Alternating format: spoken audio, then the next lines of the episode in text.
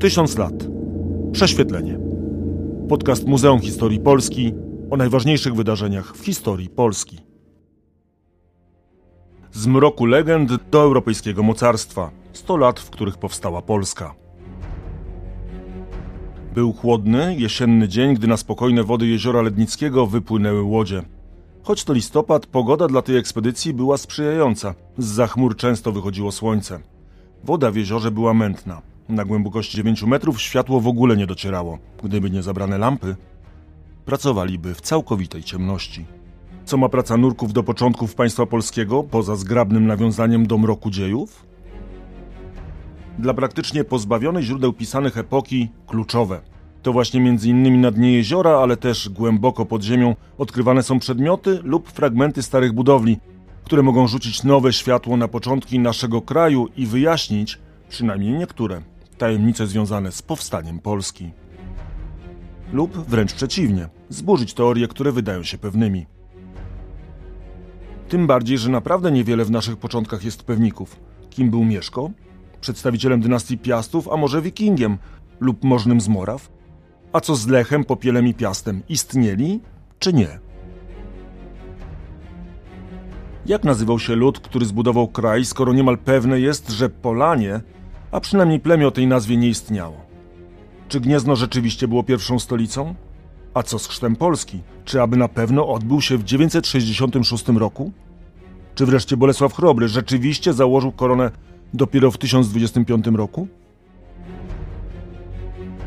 Łukasz Starowiejski. W kolejnym odcinku podcastu Muzeum Historii Polski zapraszam na wyprawę w mroki dziejów, czyli do początków państwa polskiego. Część pierwsza. Nurkowanie w mrokach. Chrzest Mieszka. Wyprawa nurków archeologów bardzo przypomina próby zrekonstruowania początków polskiej państwowości. Praca w ciemności, żmudne, długotrwałe przygotowania i badania. Wreszcie niezwykle kruchy przedmiot badań.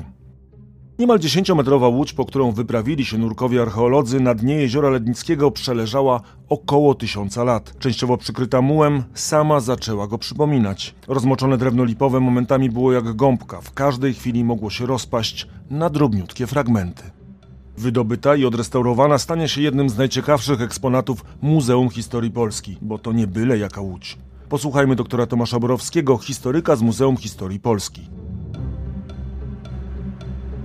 Ona jest wyjątkowa z kilku powodów. Przede wszystkim w Polsce zachowało się bardzo niewiele obiektów, które można bezpośrednio łączyć z początkami państwa polskiego. Większość z tych obiektów, one są kosztowne, jak relikwiarz czy okucia księgi, natomiast y, są to bardzo małe obiekty, więc y, słabo działają na wyobraźnię. W tym kontekście łódź, która ma niemal 10 metrów, faktycznie jest obiektem e, dosyć wyjątkowym. Kogo mogła wozić ta łódź? Tak naprawdę nie wiadomo. Chciałbym móc powiedzieć, że pływał nią Mieszko I albo Dobrawa, natomiast oczywiście nie ma na to żadnych dowodów. Można powiedzieć, że ta łódź jest datowana na wczesny XI wiek. W przypadku metody C14 to nigdy nie jest dokładnie, więc to może być też późny X wiek. W każdym razie pochodzi z czasów Mieszka I lub Bolesława Chrobrego i ci władcy mogli ją widzieć. To znaczy, ktoś nią pływał w czasach, kiedy na e, wyspie przebywał Mieszko lub e, Bolesław Chrobry. Wyjątkowość tej łodzi polega także na tym, do czego służyła. Z jednej strony odpowiedź jest oczywista, to znaczy łódź służy do tego, żeby nią pływać, można łowić ryby, można przewozić towary. Żeby stworzyć nowe państwo, potrzebny jest system szybkiej komunikacji, który będzie służył jako spoiwo spajające ze sobą różne dotychczas niezwiązane ze sobą tereny. Wielkopolskę, Małopolskę, Śląsk, Pomorze. Drogi we wczesnym średniowieczu nie były wystarczająco dobrej jakości, drogi lądowe, aby umożliwić taki szybki transport towarów, wojska, dóbr. I w takim sensie rzeki, jeziora były krwioobiegiem nowego państwa, fundamentem jego, które umożliwiały szybki transport wzdłuż rzek i jezior, stanowiły w jakimś sensie takie podstawowe narzędzie wykuwania się tej nowej wspólnoty. Także ona z jednej strony jest wyjątkowa poprzez swój związek z Ostrowem Lednickim, z początkami państwa polskiego, z drugiej strony jest wyjątkowa, ponieważ jest przedmiotem, który był często używany i stanowił w jakimś sensie trzon, fundament tej codzienności państwa. O ile pewnie nigdy nie dowiemy się, kto mógł pływać dłubanką, bez wątpienia miejsce nie było przypadkowe. Ostrów Lednicki leżący na trasie z Gniezna do Poznania był wówczas jednym z najważniejszych grodów rodzącego się państwa. Na ówczesne czasy to musiało być naprawdę ogromne przedsięwzięcie budowlane. Gdzieś niedługo przed 966 rokiem do istniejącej już osady na wyspie weszli budowniczowie. Gród połączyli z brzegiem dwoma długimi i szerokimi mostami. Wewnątrz wybudowali murowany kościół, palatium i kaplicę z dwoma tajemniczymi zagłębieniami, które wielu badaczy interpretuje jako baseny chrzcielne. Część historyków wyciąga stąd wniosek, że chrzest Mieszka odbył się właśnie na największej wyspie Jeziora Lednickiego. Ostrów Lednicki jest jednym z głównych, ale jednak tylko potencjalnych kandydatów na miejsce chrztu księcia. Lista jest znacznie dłuższa i zawiera m.in. Gniezno i Poznań, ale także, według niektórych hipotez, Pragę lub Ratyzbonę. Znów posłuchajmy doktora Tomasza Borowskiego. Nie wiadomo, gdzie dokładnie odbył się chrzest. Myślę, że żaden z badaczy nie jest w stanie tego jednoznacznie wskazać. Natomiast istnieją przesłanki, dzięki którym y, część z teorii wydaje się bardziej prawdopodobna niż pozostałe. Taką y, podstawową przesłanką jest brak dokładnej informacji w źródłach. Wbrew pozorom, y, na podstawie tego braku można już wysnuć pewne wnioski. Mianowicie, wszystkie źródła, które mamy dotyczące Polski z tego wczesnego okresu, są źródłami zagranicznymi i jeśli one nie podają miejsca chrztu mieszka, to prawdopodobnie prawdopodobnie ten chrzest odbył się w miejscu z punktu widzenia zagranicy nieistotnym czyli w Polsce. Ponieważ gdyby odbył się na terenie cesarstwa lub na terenie Czech, to źródła czeskie lub cesarskie by to odnotowały, ponieważ to byłoby źródło pre prestiżu dla danego miejsca. Także z tego powodu wydaje się prawdopodobne, że miało to miejsce w Polsce. Drugą taką dla mnie wydaje mi się istotną przesłanką jest to, że tak duża ceremonia raczej nie miała miejsca w zamkniętej kaplicy. Kościoły, które w tamtym czasie państwo polskie było w stanie budować, władcy polscy mogli budować, były ciasne, były małe, więc mogło się w nich zmieścić kilkadziesiąt osób góra, z reguły mniej.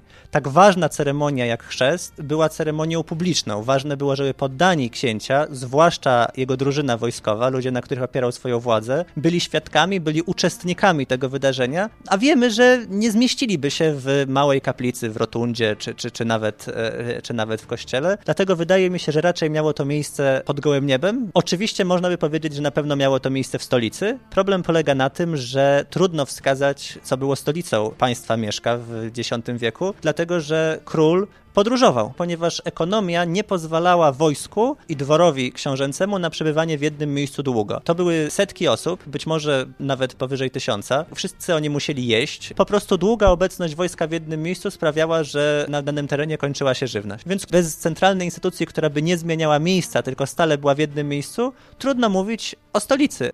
Miejsce chrztu na zawsze pewnie pozostanie nieznane. Za to rok 966 to data graniczna, symboliczna, utożsamiana z powstaniem państwa polskiego. Pewnie nawet można by użyć słowa niepodważalna, gdyby rzeczywiście taka była. Wystarczy posłuchać najstarszej zachowanej relacji z tego wydarzenia, spisanej przez pewnego biskupa z Mercerburga, ważnego wówczas miasta leżącego w Saksonii. Do żyjącego na przełomie X i XI wieku Tietmara będziemy zresztą jeszcze wielokrotnie wracać. Dlatego przedstawię resztę czynów znakomitego księcia Polan Mieszka, o którym pisałem szeroko w poprzednich księgach. W czeskiej krainie pojął on za żonę szlachetną siostrę Bolesława Starszego, która okazała się w rzeczywistości taką, jak brzmiało jej imię. Nazywała się bowiem po słowiańsku Dobrawa, co w języku niemieckim wykłada się dobra. Owa wyznawczyni Chrystusa, widząc swego małżonka pogrążonego w wielorakich błędach pogaństwa, zastanawiała się usilnie nad tym, w jaki sposób mogłaby go pozyskać dla swojej wiary. Umyślnie postępowała ona przez jakiś czas zdrożnie, aby później móc długo działać dobrze. Kiedy mianowicie po zawarciu wspomnianego małżeństwa nadszedł okres Wielkiego Postu, i Dobrawa starała się złożyć Bogu dobrowolną ofiarę przez wstrzymywanie się od jedzenia mięsa i umartwianie swego ciała, jej małżonek namawiał ją słodkimi obietnicami do złamania postanowienia. Ona zaś zgodziła się na to w tym celu, by z kolei móc tym łatwiej zyskać u niego posłuch w innych sprawach. Jedni twierdzą, iż jadła ona mięso w okresie jednego Wielkiego Postu, inni zaś, że w trzech takich okresach. Pracowała więc nad nawróceniem swego małżonka – i wysłuchał jej miłościwy Stwórca. Jego nieskończona łaska sprawiła, iż ten, który go tak srogo prześladował, pokajał się i pozbył na ustawiczne namowy swej ukochanej małżonki jadu przyrodzonego pogaństwa, chrztem świętym zmywając plamę grzechu pierworodnego. No właśnie, okres jednego czy trzech postów?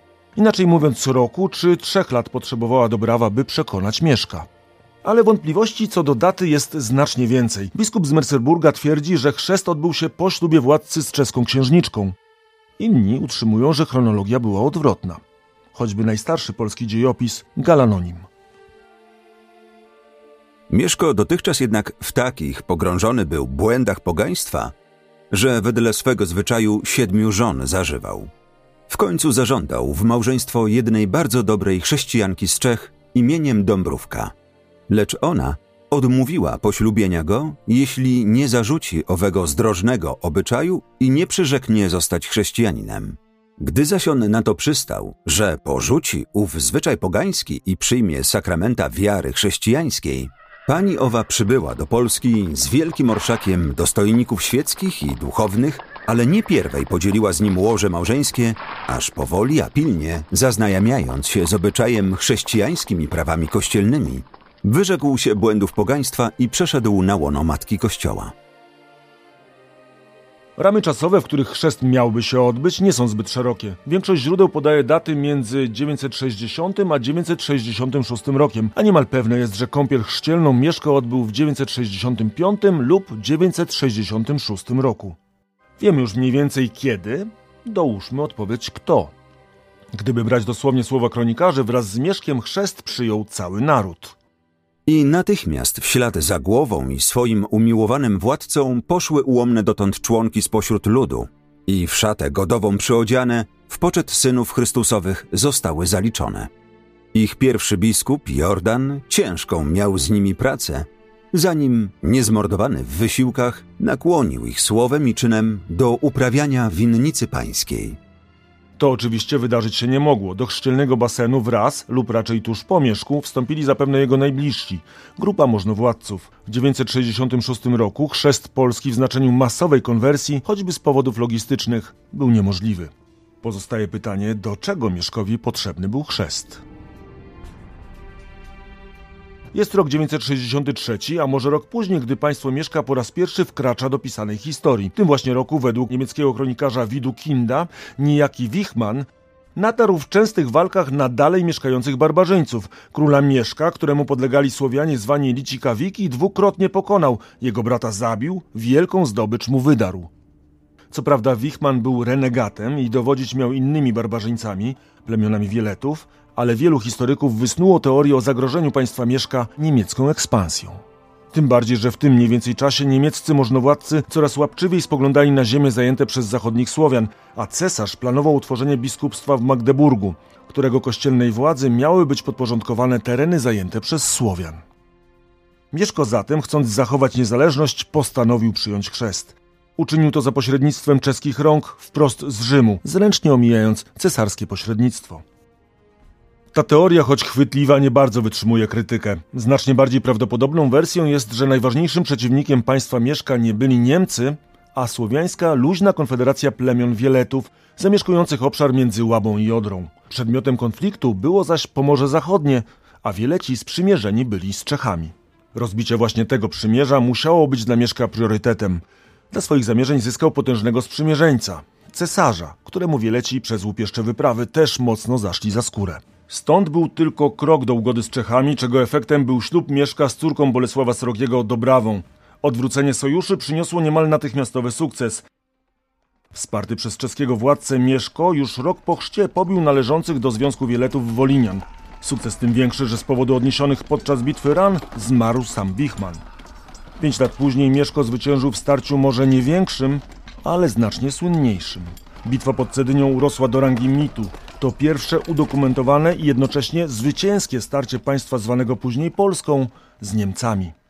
W rzeczywistości Mieszko stoczył bój nie z całą potęgą niemiecką, a z wojskiem jednego z możnowładców, margrabią Marchi Łużyckiej. Posłuchajmy nieocenionego Tietmara. Kiedy w dzień świętego Jana Chrzciciela starli się z Mieszkiem, odnieśli zrazu zwycięstwo – Lecz potem, w miejscowości zwanej Cydzyną, brat jego Czcibor zadał im klęskę, kładąc trupem wszystkich najlepszych rycerzy z wyjątkiem wspomnianych grafów. Cesarz poruszony do żywego wieścią o tej klęsce wysłał czym prędzej gońców nakazując Chodonowi i Mieszkowi, aby pod rygorem utraty jego łaski zachowali pokój do czasu, gdy przybędzie na miejsce i osobiście zbada sprawę. Zwycięstwo pozwoliło zapewne utrwalić wpływy Mieszka na Pomorzu Zachodnim, co potwierdził cesarz rok później podczas zjazdu w Kwedlinburgu. Mimo sukcesów politycznych trudno wyobrazić sobie, by Mieszko zmieniając religię podejmował decyzje li tylko z powodu międzynarodowego układu sił. Paweł Jasienica, wybitny publicysta historyczny, w swojej książce Polska Piastów tak opisuje tę sytuację.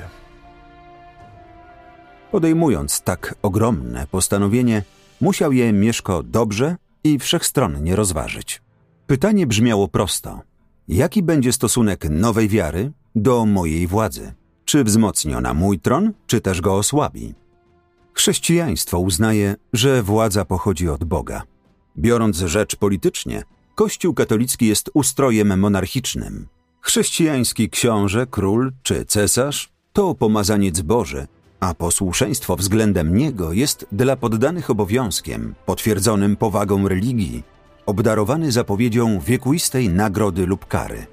W średniowieczu bunt przeciwko koronie mógł zostać uznany za herezję. Pamiętająca pradawne czasy wiara pogańska ani nawet słyszała o tym wszystkim. Istniała przecież już wtedy, kiedy plemię tylko na czas wojny obierało sobie naczelnika. Utwierdzała stary obyczaj i stawiała księcia poniekąd na równi z jego własnymi poddanymi. Taki stan rzeczy nie mógł odpowiadać nowym stosunkom w księstwie. Mieszko I nie był twórcą państwa, lecz jego dziedzicznym władcą. Z chwilą chrztu dzieło budowy monarchii polskiej było ukończone. Książę zdecydowanie stanął ponad społeczeństwem jako panujący. Warto przy okazji przytoczyć subtelną zmianę narracji u Widukinda. O ile przy okazji zwycięstw Wichmana nazywa Mieszka władcą barbarzyńców, o tyle gdy po latach role się odwróciły, określa go przyjacielem cesarza. Kim naprawdę był władca, który z takim impetem wtargnął na karty historii i z barbarzyńskiego przywódcy awansował na przyjaciela najważniejszego europejskiego władcy? Część druga. Czy Mieszko był wikingiem?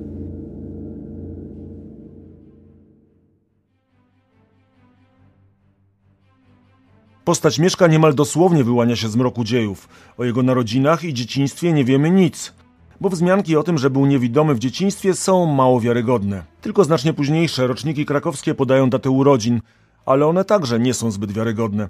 Rozbieżności wśród badaczy są ogromne.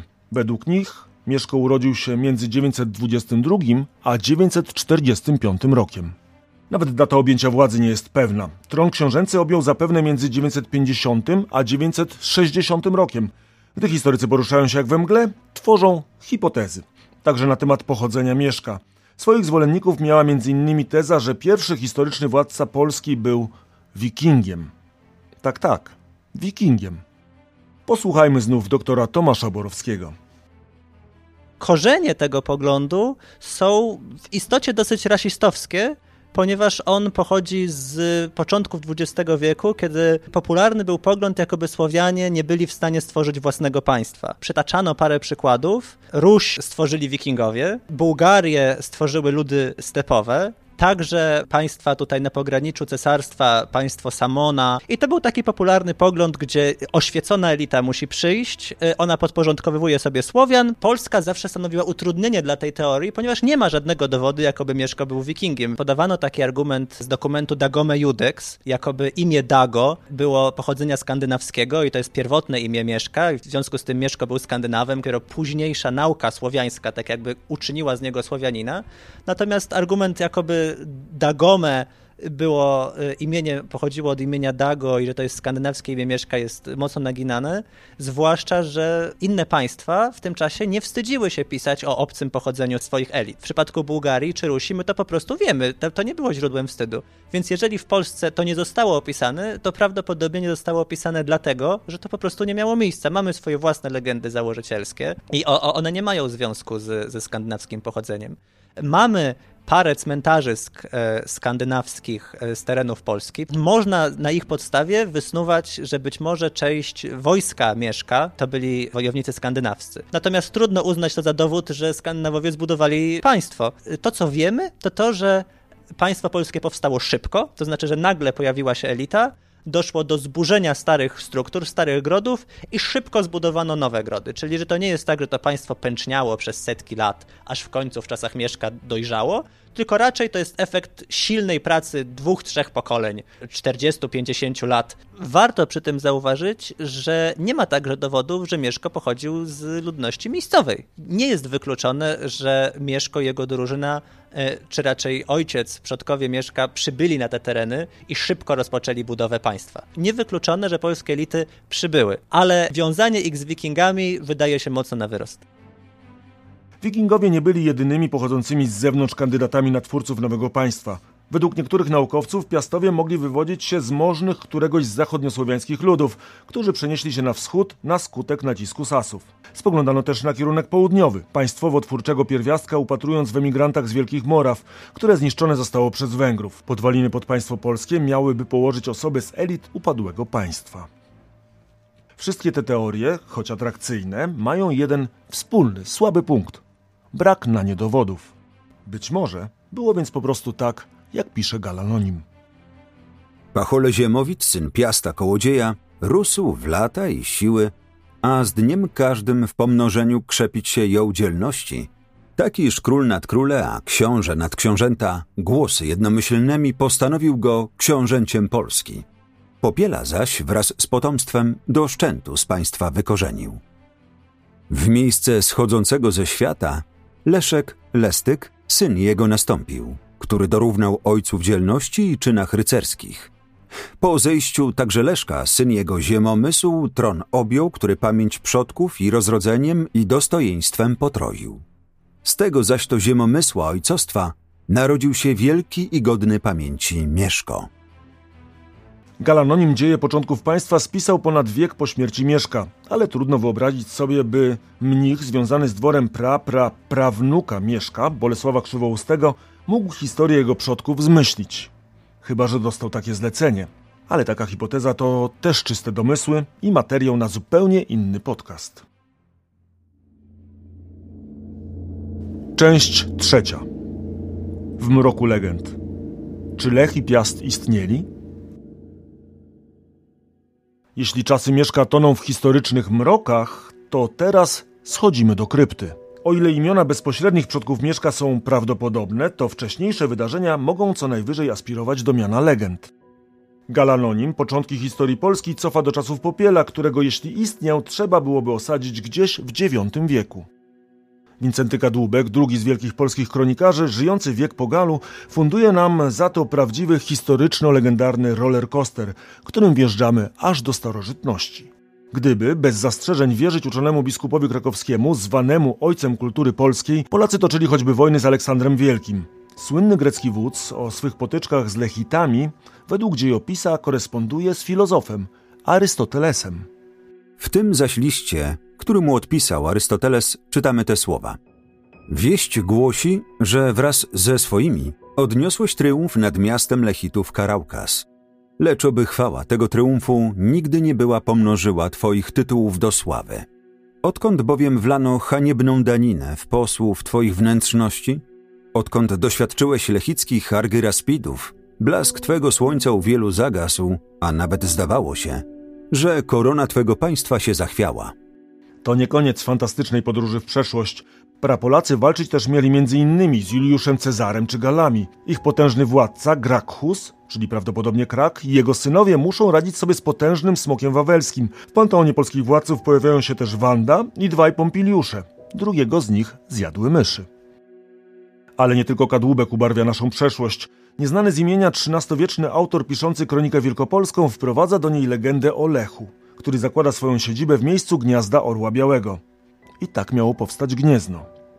Z tych wszystkich zapisów wysnuć można tylko jeden wniosek. Wybitny mediewista Jerzy Strzelczyk podsumowuje to krótko. Na podstawie naszych kronik średniowiecznych nie sposób napisać najdawniejszych dziejów Polski. Dopiero króla Popiela można próbować bronić, ale też argumenty na istnienie władcy o takim imieniu są słabe. Oddajmy głos jeszcze raz profesorowi Strzelczykowi. Na pytanie, czy wierzy w Popiela, pierwszego znanego z imienia władcy Polski odpowiedział. To nie jest kwestia wiary. Jestem przekonany, że go nie było. Nie ma żadnych poważnych argumentów za tym, że istniał. Ale inni badacze próbują włączyć go w bieg polskiej historii. Popiel miał być na przykład przywódcą Goplan, którego obalili potomkowie Piasta. Także historię o smutnym końcu Popiela część badaczy próbuje wtłoczyć w historyczne ramy. Pojawiła się teoria, że to nie myszy wykonały wyrok na nieszczęsnym władcy, a mieszkańcy pobliskiej osady Myszków. Prawdopodobnie nigdy nie uda się potwierdzić ostatecznie istnienia króla Popiela, ale zaprzeczyć też nie. A czy jesteśmy w stanie potwierdzić, kim rządził mityczny Popiel i jego następcy Piastowie? Część czwarta. U źródeł państwowości. Odpowiedź na pozór wydaje się banalna. Polanie.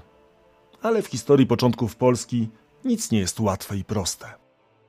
Także w tym wypadku, bo Polanie jako lud czy plemię po prostu nie istnieli, a przynajmniej nie istnieli pod tą nazwą. Czas znów ostrożnie strzepnąć kurz ze starych pergaminów. Istnienie organizmów państwowych na terenie Polski i okolic zauważone zostaje gdzieś na początku IX wieku. Pojawiają się informacje o jakichś plemionach mieszkających na Śląsku. W kilku niezależnych źródłach zjawia się też nazwa kraju Wiślan albo Wiślech, lokalizowanego zwykle gdzieś w górnym biegu Wisły. Pierwsza względnie pewna wiadomość o Słowianach zamieszkujących tereny dzisiejszej Polski i bliskich im okolic pochodzi najprawdopodobniej od szpiega. Anonimowy mnich zwany geografem bawarskim miał zebrać informacje o ludach na północ od Dunaju dla Ludwika II niemieckiego, króla wschodnich Franków. Dokument, który powstał około 845 roku, to spis plemion wraz z informacją o liczbie grodów. Polan nie wymienia. A badacze nieco na siłę próbowali późniejszemu dziedzictwu Mieszka przypisać jakąś konkretną nazwę. Żadna z teorii nie jest przekonująca. Poza jedną. Wydaje się, że na terenach prakolebki Polski nie istniała żadna silna państwowa organizacja. Chyba, że szpieg nie miał dokładnych informacji. Nieco ponad 100 lat później, w latach 60. X wieku, w daleką podróż wybrał się pewien Żyd z kalifatu Kordoby. Ibrahim ibn Jakub prawdopodobnie był kupcem, zapewne handlarzem niewolników. To najcenniejszy towar sprowadzany wówczas z krajów słowiańskich. Ibn Jakub spisał swoje obserwacje, które przetrwały dzięki późniejszym odpisom. Wspomnienia z wyprawy obejmują m.in. pierwszy opis Pragi, jedną z najstarszych informacji o Krakowie, wraz ze wzmianką, że znajdował się w rękach czeskich. Wreszcie pojawia się też wiadomość o kraju Mieszka. A co się tyczy kraju Mesko, to jest on najrozleglejszy z ich krajów. Obfituje on w żywność, mięso, miód i rolę orną. Ma on trzy tysiące pancernych, podzielonych na oddziały, a setka ich znaczy tyle co dziesięć secin innych. Daje on tym mężom odzież, konie, broń i wszystko, czego tylko potrzebują. Z Mesko sąsiadują na wschodzie Ruś, a na północy Burus. Siedziby Burus leżą nad oceanem. Ibn Jakub nazywa więc owo państwo krajem Mesko, od imienia jego władcy. Czy miało jednak nazwę własną? Wróćmy na chwilę do niemieckiego mnicha Widukinda i jego opisu potyczek Wichmana z polskim władcą. Kronikarz z Saksonii o Mieszku pisał Mizakam, a podległy mu lud nazwał Licikawiki. Za chwilę miał więc Mieszko przyjąć chrzest, nazywany potocznie chrztem Polski, a o Polanach ani widu, ani słychu. Oni na karty historii wkraczają dopiero kilkadziesiąt lat później. Czy Polanie istnieli i kim byli? Oddajmy znów głos doktorowi Tomaszowi Borowskiemu.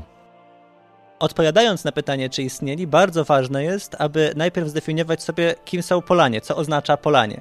Jeżeli uważamy, że Polanie są członkami plemienia Polan, to najprawdopodobniej nie istnieli, ponieważ chyba nie było takiego plemienia. Natomiast od y, czasów panowania Bolesława Chrobrego pojawia się Polska y, i Polanie w tym sensie są mieszkańcami Polski. Kim byli owi Polanie? To znaczy, y, w jaki sposób sami siebie definiowali? To jest y, trudne pytanie badawcze, bo ono się wiąże z tym, co oznacza, co oznacza słowo Polska. Z pewnością słowo Polska pochodzi od słowa pole, natomiast prawdopodobnie rzeczywistość jest bardziej skomplikowana niż takie sformułowanie, że Polska to kraj, gdzie jest mnóstwo pól i w związku z tym mieszkańcy tych pól to Polanie. Poprzez badania porównawcze słowo Polska prawdopodobnie miało znaczenie symboliczne.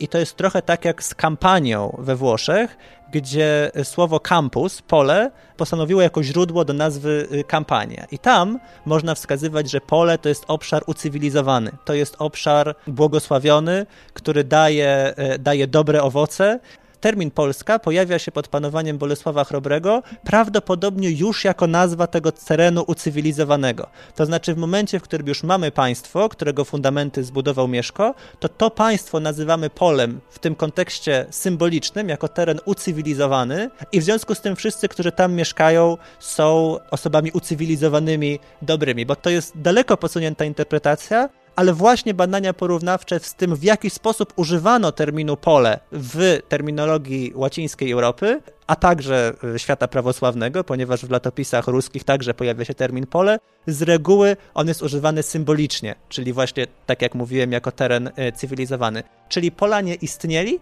Polanie byli mieszkańcami Polski, byli antytezą plemienia Polan, ponieważ członkowie różnych plemion w momencie, w którym stawali się poddanymi Bolesława Chrobrego, poddanymi tego państwa stawali się jednocześnie Polakami. Nazwy Polanie po raz pierwszy używa rzymski opat Jan Kanaparius. Opisując żywot świętego Wojciecha, mówił o ówczesnym władcy Bolislao Palaniarum, czyli Bolesław Polski. Nazwa musiała przypaść do gustu także Bolesławowi, skoro kazał wybić monety z napisem Princeps Polonie. Tak Polska stała się Polską. Skoro jednak Polanie wcześniej nie istnieli, to kto zbudował to potężne państwo, którym władali Mieszko i Bolesław? Niekiedy pojawia się nazwa Słowiańszczyzna. W tajemniczym dokumencie Dagome Judex użyto nazwa państwa gnieźnieńskiego. Jan Długosz, piszący w XV wieku, jeszcze inaczej tłumaczy tę nazwę. Lechitowie, ci zwłaszcza, którzy na polach siedzieli, zostali przez inne pokrewne sobie drużyny koczujące po lasach nazwani Polanami, to jest pól mieszkańcami.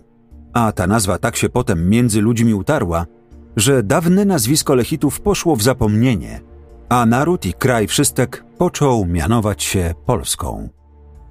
Jak nazywał się ów lud? Pewnie nigdy się nie dowiemy. Być może zresztą to pytanie w ogóle nie ma sensu. Posłuchajmy fragmentu wywiadu mediewisty profesora Andrzeja Pleszczyńskiego. Wczesne państwa nie wyrastały z plemion, one je pożerały. To widać wszędzie tam, gdzie zachowały się jakieś informacje o tworzeniu władzy. Jakaś grupa, czasami nawet jeden człowiek, zbierał wokół siebie gotowych na wszystko ludzi, awanturników z różnych ludów i tworzył coś na kształt organizacji mafijnej, którą nazywano drużyną. Następnie ów wódz za pomocą swoich druhów niszczył strukturę władzy w plemionach, które zdołał podbić. Jednocześnie jednak tego rodzaju organizacja chroniła poddanych przed rabunkiem ze strony innych podobnych grup. W celu wzmocnienia więzi władzy i ludu kreowano mit o wspólnym pochodzeniu, tworzono nowe plemię, wczesny naród.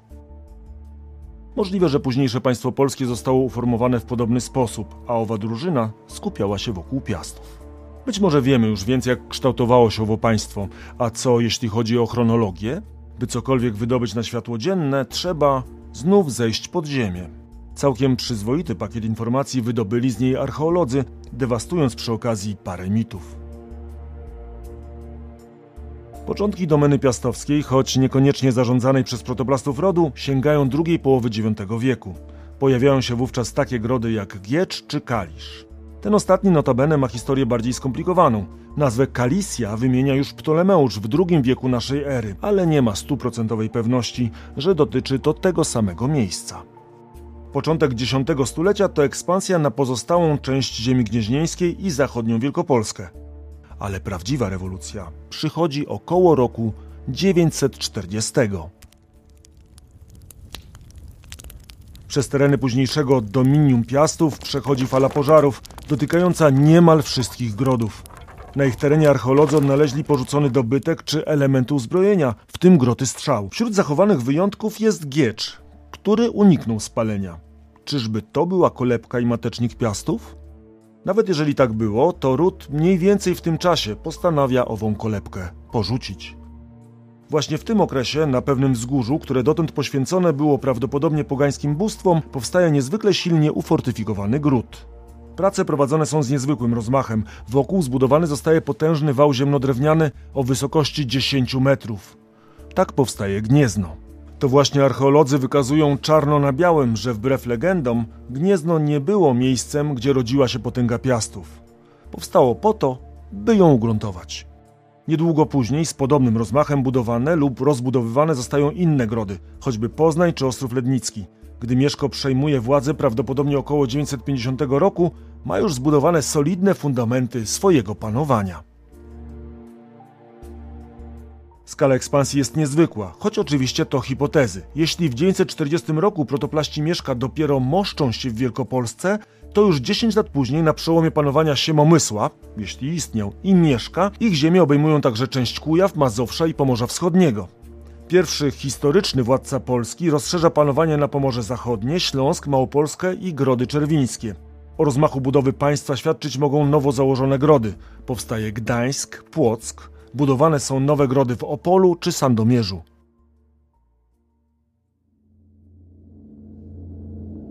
Część piąta. Czasy Chrobrego. Lokalne mocarstwo.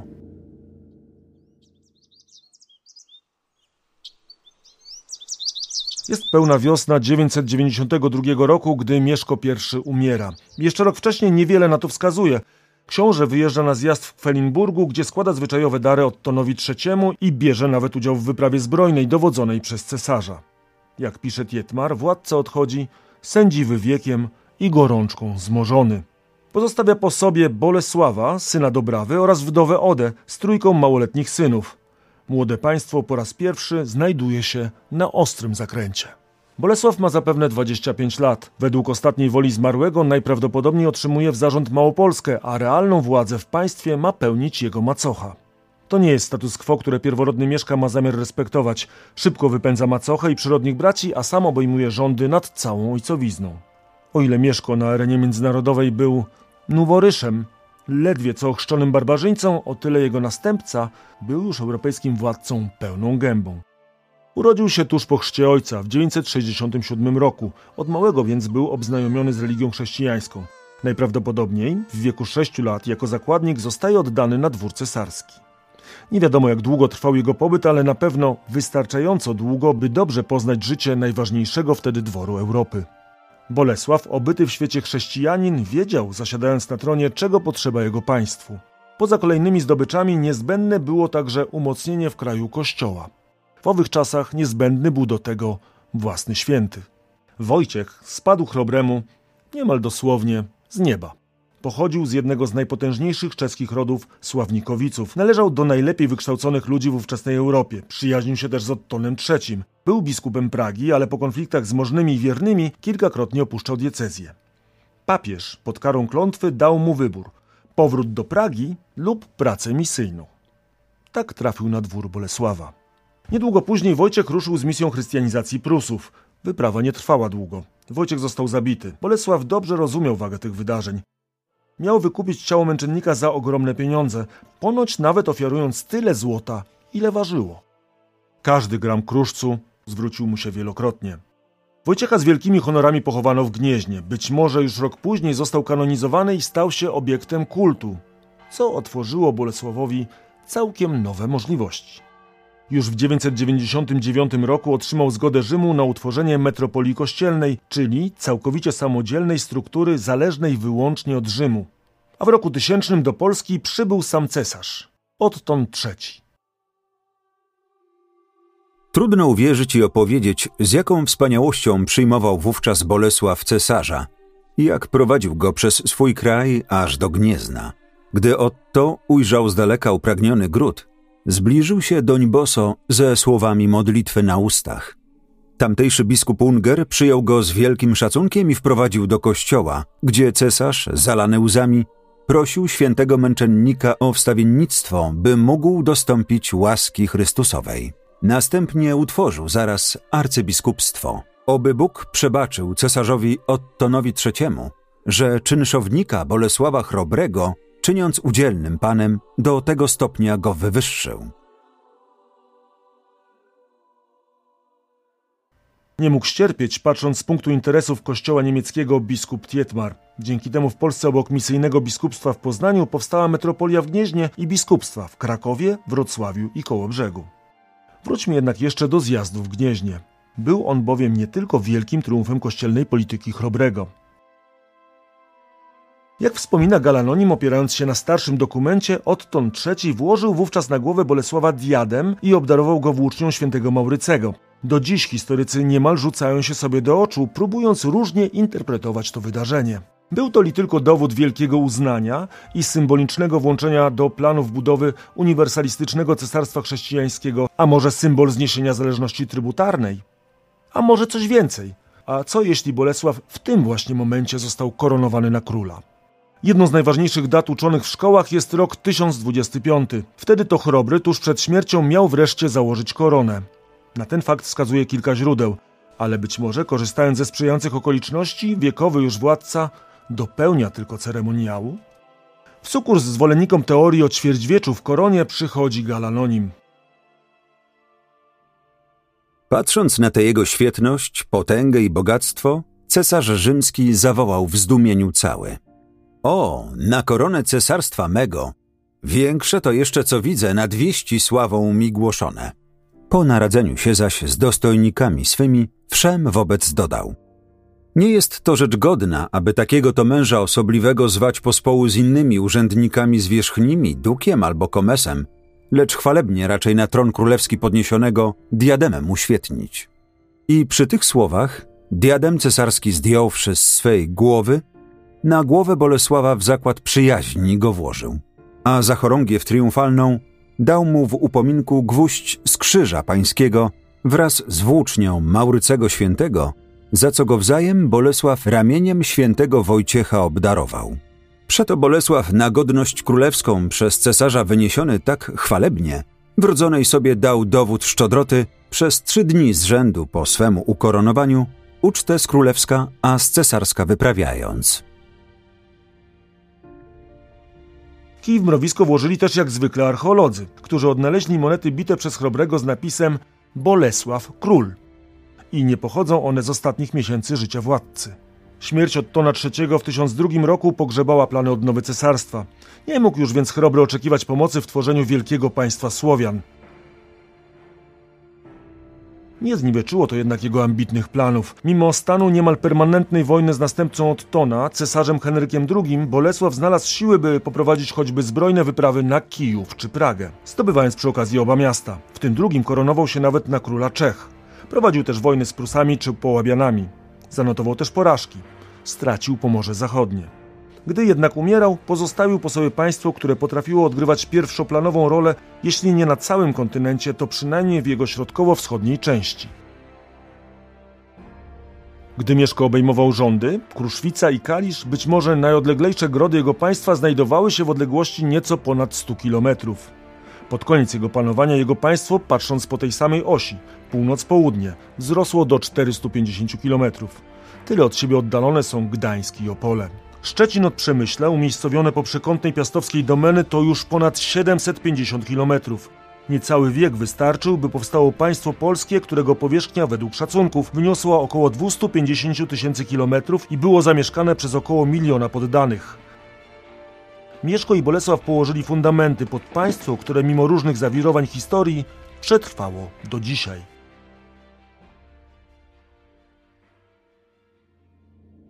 Tysiąc lat. Prześwietlenie. Podcast Muzeum Historii Polski o najważniejszych wydarzeniach w historii Polski.